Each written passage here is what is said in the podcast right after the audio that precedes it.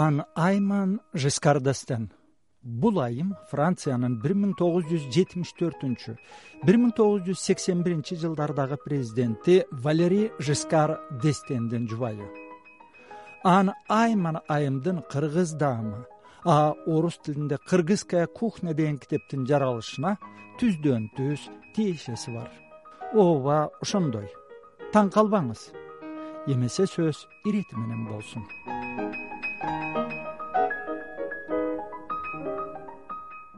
кыргыз даамы китеби бир миң тогуз жүз жетимиш алтынчы жылы он миң нускада бир миң тогуз жүз сексен төртүнчү жылы он беш миң жана бир миң тогуз жүз токсон биринчи жылы элүү миң нускада чыгат.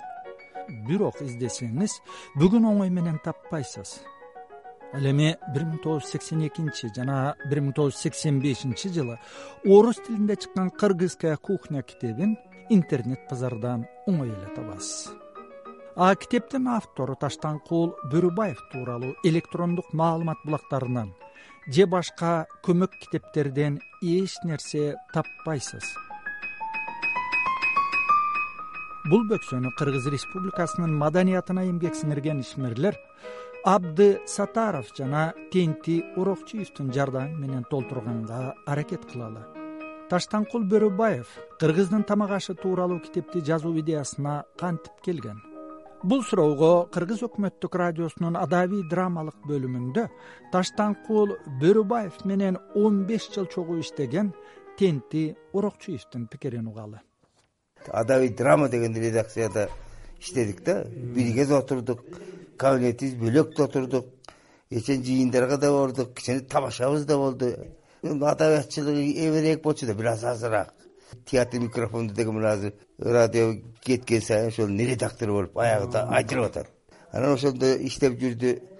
Ар ким баягы изденет экен да. Ой мен бул адабий драмада мындай жартылуу деле иш кылган жерим жокко деп ойлонсо керек. Анан өзү ушул мурунтан ушу тамак ашка жакындыгынанбы ушул китеп жазып жана бир басылдыбы эки басылдыбы бир басылганы колумда турат.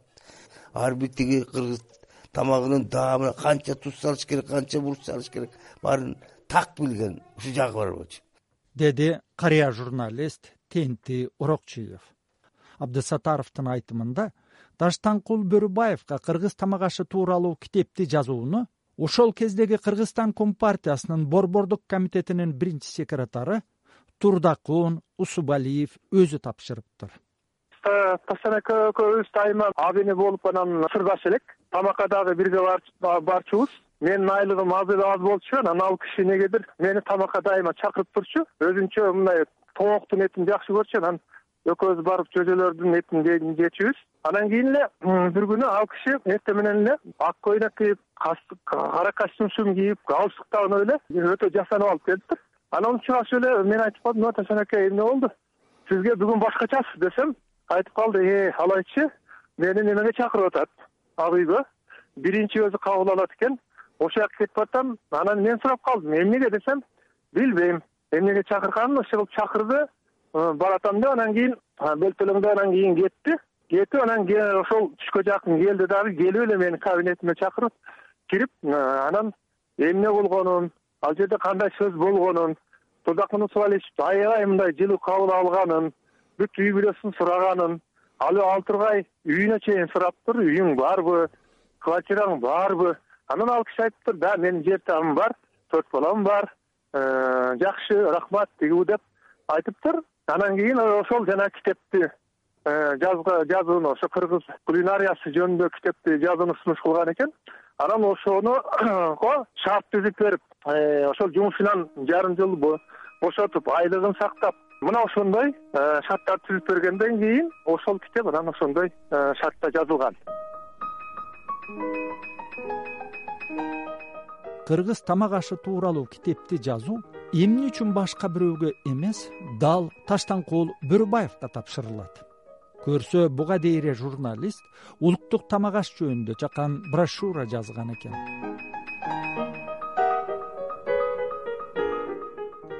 таштанкул бөрүбаевдин кыргыз даамы басмадан чыккан кезде ал кездеги башка союздук республикалардын кээ бирлеринде мындай китептер бар болчу.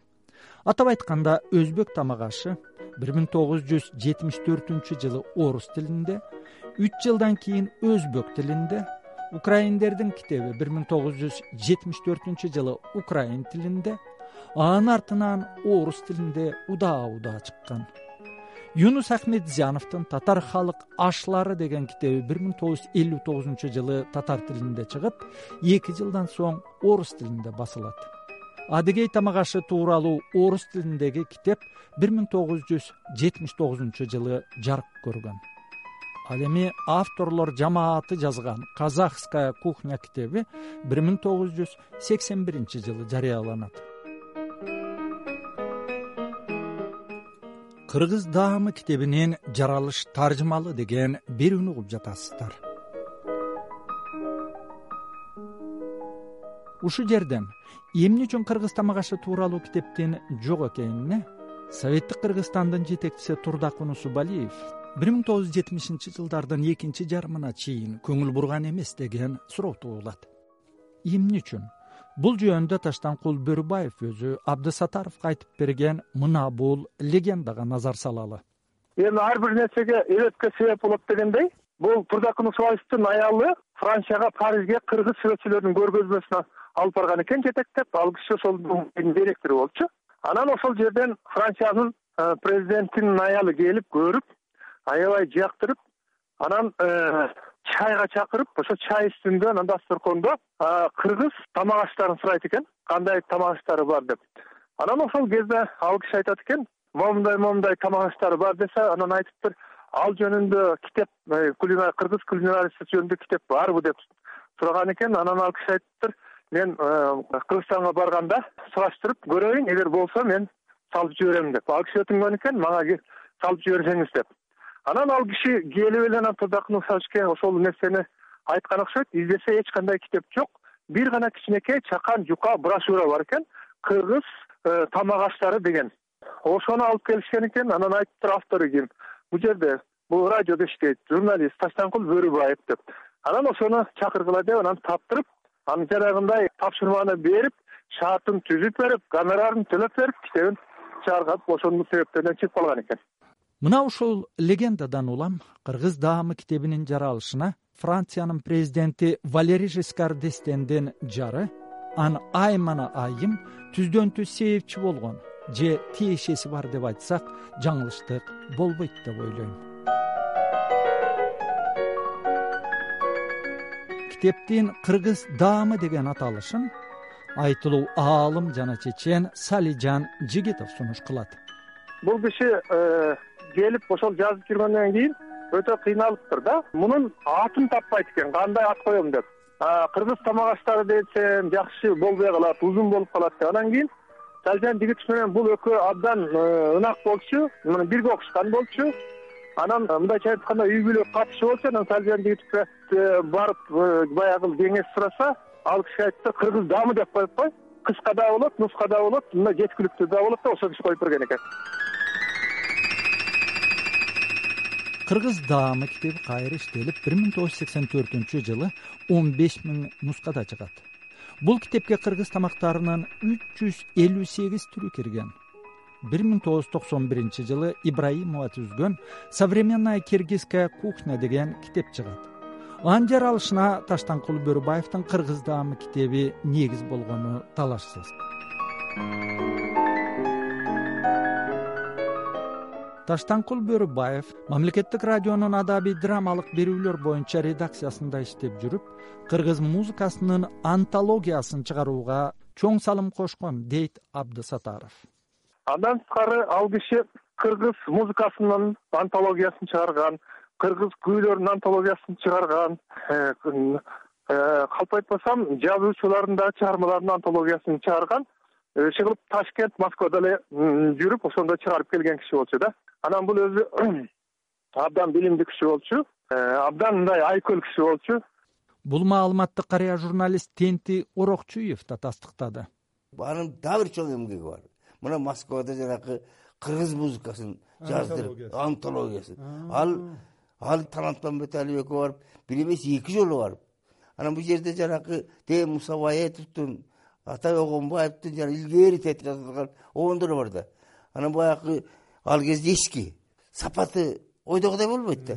Ошону кайра бул жерден көчүрүп экинчи жолу бир үч ай өткөндөн кайра барышып ошентип отуруп анан тиги талант экөө экөө кийин мунукусун кошкондо бир отуз кырк бер жагы сааттын жана күүлөрүн жазып келген. Мына ушундай эмгеги бар. Анан ошол эмгегин баалап анан биринчилерден болуп биздин редакцияб кыргыз маданияти эмгек сиңирен ишмер деген наам алган.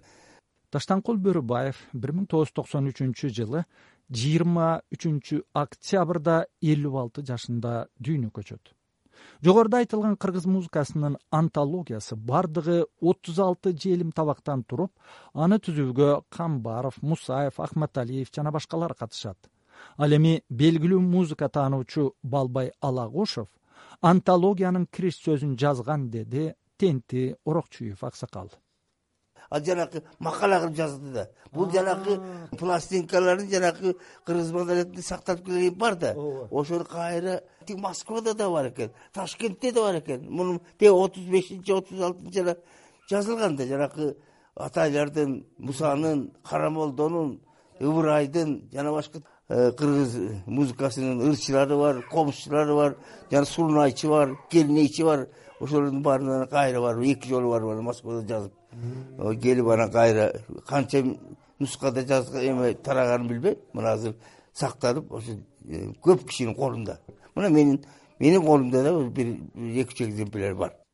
Кыргыз музыкасынын антологиясы бир миң тогуз жүз жетимиш төртүнчү жылы ал кездеги ленинграддагы грампластинкалар заводунан чыгарылган. Антологияга беш жүздөн ашуун чыгарма кирет анын ичинде тенти аксакал айткан күүлөрдөн башка да манас курманбек кедей кан жаныш байыш кара кул ботом дастандарынан үзүндүлөр термелер бар.